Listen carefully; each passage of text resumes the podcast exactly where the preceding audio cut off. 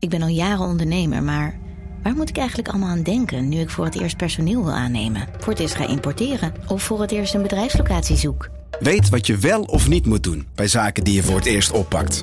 Check kvk.nl voor praktische stappenplannen. KVK, hou vast voor ondernemers. Al 125 jaar kwaliteit voor jou thuis met Miele. Dat vieren we met jou. Ontvang nu tijdelijk een cashback tot 125 euro op veel Miele-apparatuur. Geniet van de kwaliteit van Miele. Voor perfect verzorgd wasgoed en kleding die veel langer mooi blijft. Voor een stralend schone vaat, even perfect als jouw diners. En een stofvrij thuis waarin echt hygiënisch schoon de standaard is. Check miele.nl voor alle feestelijke aanbiedingen.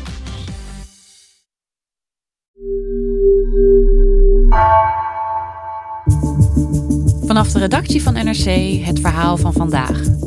Mijn naam is Geertje Tunter.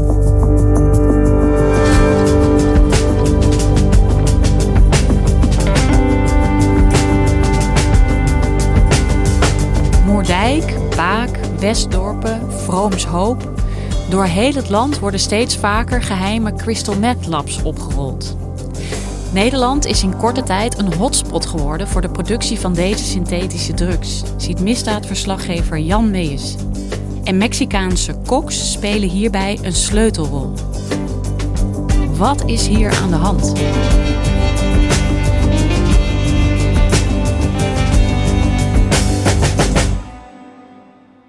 Nou, je hebt een Chileense man en die heet Marco.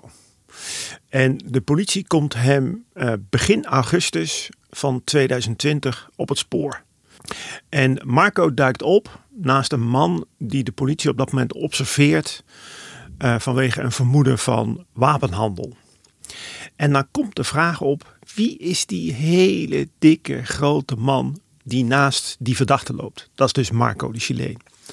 Marco is uh, de zoon van een Chileense politieke vluchteling die in de jaren 70 uh, naar Nederland is gekomen op de vlucht voor het regime van Pinochet.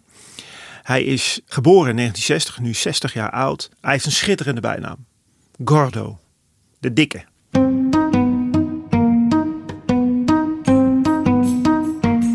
Ze komen hem dus eigenlijk per toeval tegen.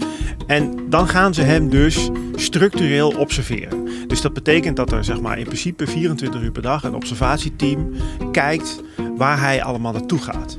En nou, al in de eerste dagen blijkt die man die crost het hele land. En Marco rijdt dus in een heel klein Ford Fiestaatje. Hij gaat van Deventer naar Velp. Hij gaat naar Terneuzen. Hij spreekt af bij McDonald's. Uh, hij gaat uh, naar een bungalowpark bij Haarlem. En hij ontmoet daar allerlei mensen. De vraag voor de politie is: waar is die Marco nou in godsnaam mee bezig? Waarom rijdt hij in dat oude dieseltje van hem door het hele land? En antwoord op die vraag krijgen ze op het moment dat het lukt om in die oude auto van Marco een afluisterapparaatje te plaatsen. Uh, want dan zien ze niet alleen waar hij naartoe gaat, maar dan horen ze ook waar hij het over heeft. Nou, als ze Marco gaan afluisteren in zijn autootje, dan horen ze heel vaak dat hij het heeft over schilderen. En uh, ook wel over koken. Maar dat schilderen, dat blijkt uiteindelijk volgens de politie later voor iets heel anders te staan. En dat is namelijk ja, wat ze dan noemen koken. En koken is eigenlijk uh, zeg maar het werk wat laboranten doen in een drugslab. Dus het zeg maar, produceren van in dit geval crystal meth. Ja, dus de politie uh, komt erachter. Marco die zit in de crystal meth. Ja, hij is dus niet zomaar een vertegenwoordiger die het land doorrijdt. Hij is een vertegenwoordiger in crystal meth. De Nederlandse polder aantrekkelijk voor crystal meth.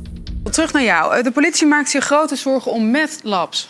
Ja, Nederland is steeds meer uh, in trek bij Mexicaanse bendes die crystal meth produceren en verhandelen. Goedenavond. Een opvallend grote drugsvondst in Watering in het Westland. 400 kilo crystal meth met een straatwaarde van 80 miljoen euro. Nederland als doorvoerland voor cocaïne, maar nu ook in toenemende mate voor het nog veel verslavendere crystal meth. Invallen in drugslabs, waarbij voor vele miljoenen aan drugs wordt aangetroffen. En extreem geweld. Dreigen we het Mexico van Europa te worden. Mijn gast En vandaag is Crystal meth, Jan. Ja, dan denk ik dus meteen aan Breaking Bad. Kan, eh, kan ik niks aan doen. Eh, Amerikaanse serie wordt Crystal meth ook gemaakt. Maar dat gebeurt dus ook in Nederland. Ja, op grote schaal zelfs. Eh, in 2020, het jaar waar we het nu eigenlijk over praten, zijn er in Nederland, ik meen 32 labs opgerold. Waar crystal meth werd geproduceerd. Het jaar daarvoor waren dat er 10. Dus dat maakt een explosieve ontwikkeling door in Nederland. De opkomst van crystal meth, van de productie van crystal meth in Nederland, is zeer opvallend. Het eerste grote voorbeeld van een crystal meth lab wat we eigenlijk kennen, wat ook wel in de publieke eh, geheugen is blijven hangen, is eh, op een, een Rijnaak, een boot in Moerdijk. En dat was in 2016. Ah, Rond half twee gistermiddag kwam er een politieboot de haven ingevaren. Die had op een gegeven moment een raar gevoel bij die boot. Zijn een controle gaan doen. Stuiten op een drugslab eh, voor de productie van eh, crystal meth. Ehm, het is een flinke eh, drugslab en op een hele bijzondere plaats.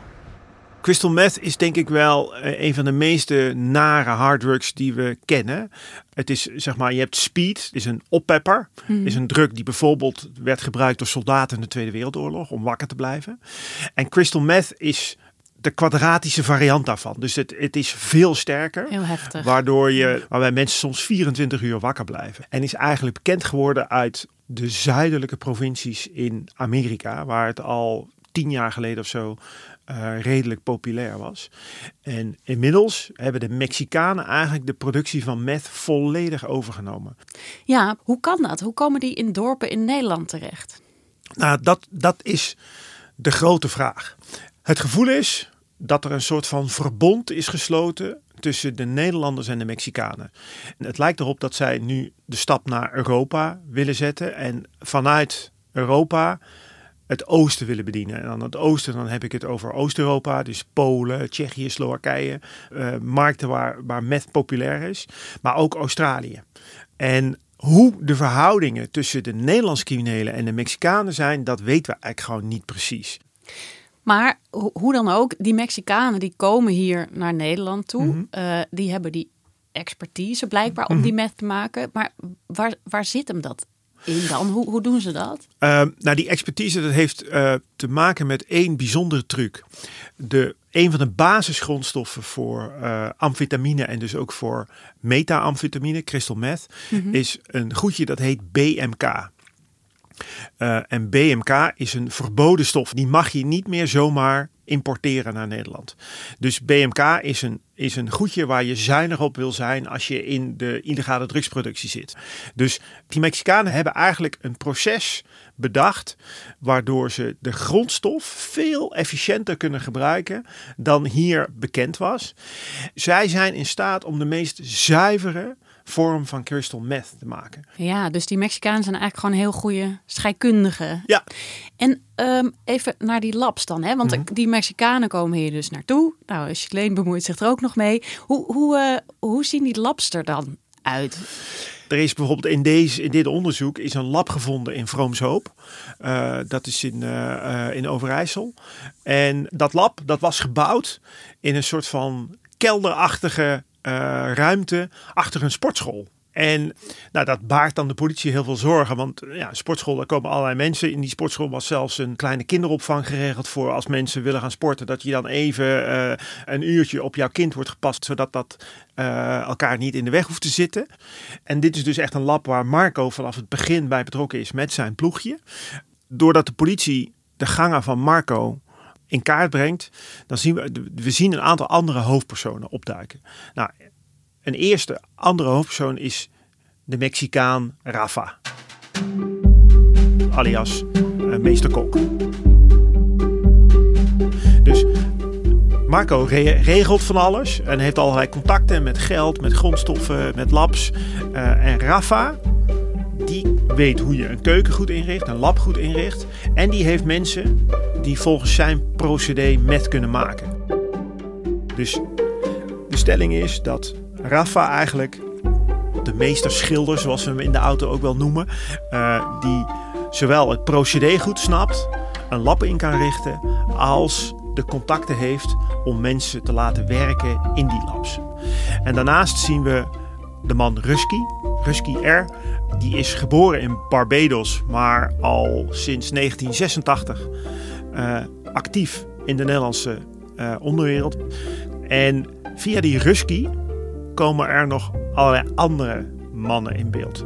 Bijvoorbeeld een man uit Haarlem. En die heet Harem, dat is gewoon een autochtone Nederlander. Een kaaskop zou je kunnen zeggen. Maar krijgt vanwege het feit dat hij een bril draagt wel een schitterende Spaanse bijnaam. Gafitas, brillenbands. Uh, en deze drie of vier hoofdpersonen die geven eigenlijk zicht op een nieuwe ontwikkeling in het Nederlands criminele milieu die heel erg samenhangt met die productie van crystal meth. En dat is wat je zou kunnen noemen de ZZP-cultuur in de onderwereld. Dat zijn dus allemaal clubjes die zelf bezig zijn en die elkaar dan vinden van hey, ik heb een afnemer, jij hebt een lab, jij hebt een kok en de derde uh, heeft grondstoffen. Kom, we gaan met z'n allen snel crystal meth maken. En zo'n lab dat draait dan voor twee weken, een maand. En dan gaat ieders zijn weg. Dan vind je misschien nog wel eens een keer ergens afval. Maar veel meer dan dat vind je niet. Dus het maakt het heel moeilijk om het op te sporen. Nou, als je dan nog even teruggaat naar het aantal labs dat ontmanteld is, 32, ja. dan zie je dus dat één toevalstreffer tot 10, 15 procent van de totale ontmantelde groep labs oplevert. Ja, dat is eigenlijk, eigenlijk is dat heel bijzonder. Dat je dus met een toevaltreffer zo goed scoort, zeg maar. Maar dat betekent ook, heb je dan eigenlijk wel zicht op hoe groot die ijsberg is... Uh, waarvan we allemaal niet weten uh, hoe groot die is.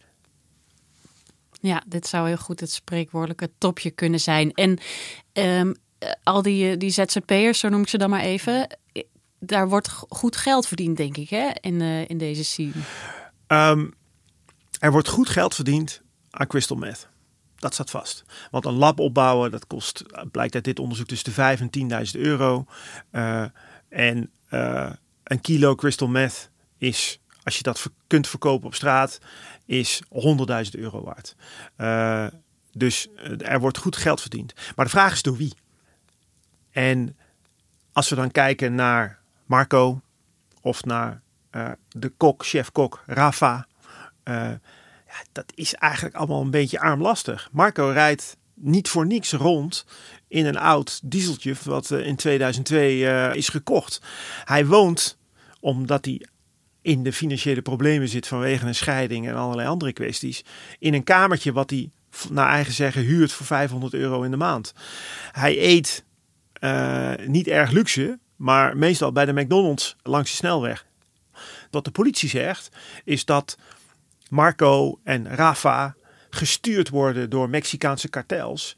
En dat het echte geld wat er met deze productie verdiend wordt, dat dat uiteindelijk toch weer bij die Mexicanen, die andere Mexicanen die niet in beeld komt, landt.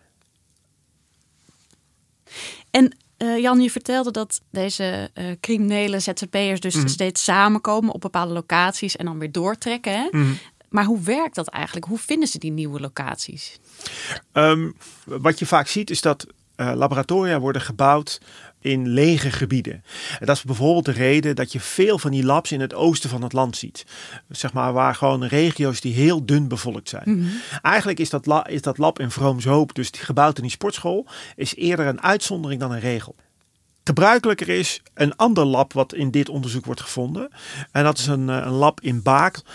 En dat, dat is klassiek, zeg maar, in een schuur op een boerenterrein. Hier aan de buitenkant is eigenlijk heel weinig te zien. Geen pijpen naar het dak. Maar toch vertrouwden ze het niet. Toen zijn ze weer naar binnen gegaan. Deze plank, die stond hier voorgetimmerd. En ze, die hebben ze eraf gehaald. En toen kwamen ze erachter dat er toch een verborgen ruimte zat. En in die verborgen ruimte zagen ze meteen uh, blauwe vaten staan, leidingen. En daar zijn ze naar binnen gegaan en troffen hier een drugslab aan. Wat je hier ziet, en dat baart dus de politie ook best wel zorgen, is dat boeren uh, die stoppen met hun, uh, met hun bedrijf. Uh, nou, een deel daarvan dreigt achter te blijven met schulden. Hmm. Omdat ze het niet meer kunnen verkopen, geen kinderen hebben die het bedrijf willen overnemen. En nou, criminelen hebben een neusje voor mensen die in dit soort van financiële problemen zitten.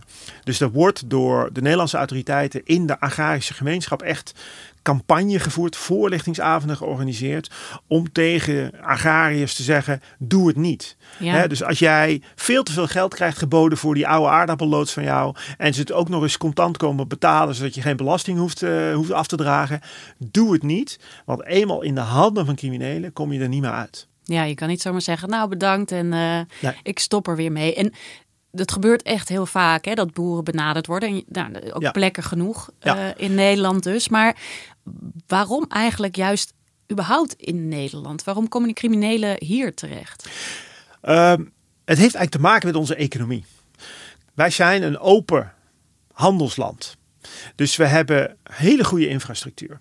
We hebben grote havens waar de, bijvoorbeeld de grondstoffen die je nodig hebt voor de productie van synthetische drugs, die komen gewoon op grote schaal, zeg maar via legale stromen vanuit China naar Nederland. En vanuit Polen naar Nederland, bijvoorbeeld.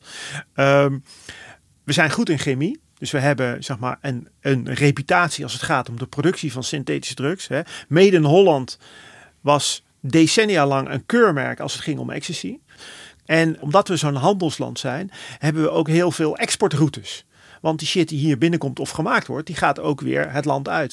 Het zijn gebaande paden die dus al heel lang geleden zijn aangelegd. Precies. En je hoeft er alleen maar nieuwe drugs eh, Ja. in te schuiven Ja. en het gaat. Ja. En je hebt dus een groep criminelen die hier ervaring mee heeft. En die hier al decennia lang mee bezig is. Want nogmaals, de productie van ecstasy, dat doen wij al ruim 30 jaar. Ja. Eh, en die denken, hé, hey, als we met meth meer kunnen verdienen dan met ecstasy, nou, dan gaan we toch meth maken.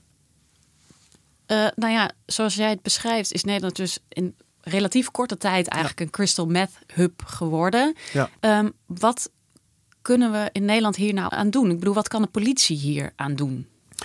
Ehm, nou ja, de politie kan labs ontmantelen, eh, proberen in kaart te brengen eh, hoe dit werkt. En ja, voorkomen dat het heel veel groter wordt. Maar in alle eerlijkheid denk ik dat, eh, dat het eigenlijk vooral eh, symptoomverstrijding is. Eh, want het is ontzettend moeilijk, zeg maar, om die structuren die het aantrekkelijk maken voor drugsproducenten, om die af te breken. Maar goed, aan de andere kant, af en toe wordt wel iemand gepakt. Hè? Marco Ja. is, is gepakt. Dat heeft weer tot een hele hoop andere ja, domino-steentjes Ja. geleid. Ja. Heeft dat dan helemaal geen zin? Natuurlijk heeft het zin om een lab in een sportschool, in een woonwijk, om dat te ontmantelen. Want het is hartstikke gevaarlijk als je het niet doet. Goedemiddag, Jan Meijers van NRC. Ik heb me aangemeld voor een eh, strafzaak rond een drugslab in Vroomshoop. Ik was vrijdag bij de strafzaak in Almelo eh, tegen de verdachten die zeg maar, direct te maken hebben met dat lab. En die, die hangen dus ook samen met de strafzaak tegen Marco en de zijnen. Ja, verdachte wordt onder één verweten dat hij in de periode 25 oktober tot en met 1 november 2020 te Vroomshoop samen met anderen of alleen telkens opzettelijk een hoeveelheid methamphetamine heeft bereid in een zogenaamd drugslab. De nou goed, 1 wat je daar dan ziet is eh, Marco en zijn medeverdachten die ontkennen natuurlijk alles. Zij zeggen eh, wat de politie vertelt over mijn betrokkenheid bij de productie van crystal meth is niet waar. Ik ben niet betrokken. Eh, ik ontken alles. En ja goed, wat de waarheid uiteindelijk is, dat zal de rechter bepalen. En wanneer de strafzaak tegen Marco gaat dienen is nog niet duidelijk. Waarschijnlijk pas in 2022. Jan, wat betekent dan eigenlijk dat wij ehm, deze nieuwe vorm van drugs eh, in Nederland eigenlijk hebben geïmporteerd en ook eh, de Mexicanen die daarbij horen? Want ik Mhm. denk, we kennen allemaal denk ik wel die beelden eh, Mhm. van Mexico en wat die drugscriminaliteit daar gedaan heeft en het geweld dat daar steeds losbarst. Ja, kan je zoiets ook in Nederland verwachten? Nou, dat is denk ik de grote vrees van de Nederlandse overheid. Dat je zeg maar in eerste instantie koks importeert uit Mexico, maar dat je later ook het geweld importeert uit Mexico. En het, het lastige op dit moment is, is ontzettend moeilijk te zeggen hoe dat zal lopen. Eh, want kijk, de, de, en dat heeft voor een deel te maken met waar we het ook al eerder over gehad hebben. Dat wat nou precies de verhoudingen zijn tussen zeg maar, in Nederland gewortelde criminele, criminelen en criminele clubjes en die Mexicanen. Dat is gewoon niet helemaal helder. Maar de geschiedenis herhaalt zich heel vaak. Dus uh, ja, we hebben gezien dat zeg maar, met de komst van die hele lucratieve cocaïnehandel, dat uiteindelijk het geweld wat daarbij hoort zich naar Nederland heeft verplaatst. Uh, en de grote vraag is, gaat dat ook gebeuren op dit terrein? Dankjewel Jan. Graag gedaan.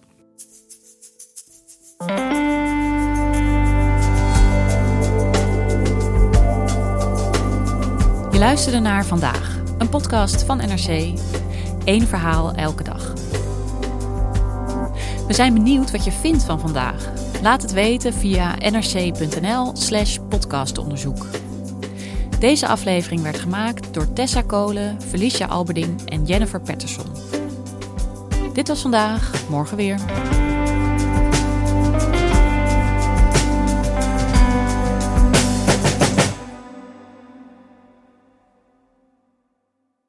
Technologie lijkt tegenwoordig het antwoord op iedere uitdaging. Bij PwC zien we dit anders. Als we de potentie van technologie willen benutten, kunnen we niet zonder een menselijk perspectief. Human-led, tech-powered noemen we dat. Ga naar pwc.nl.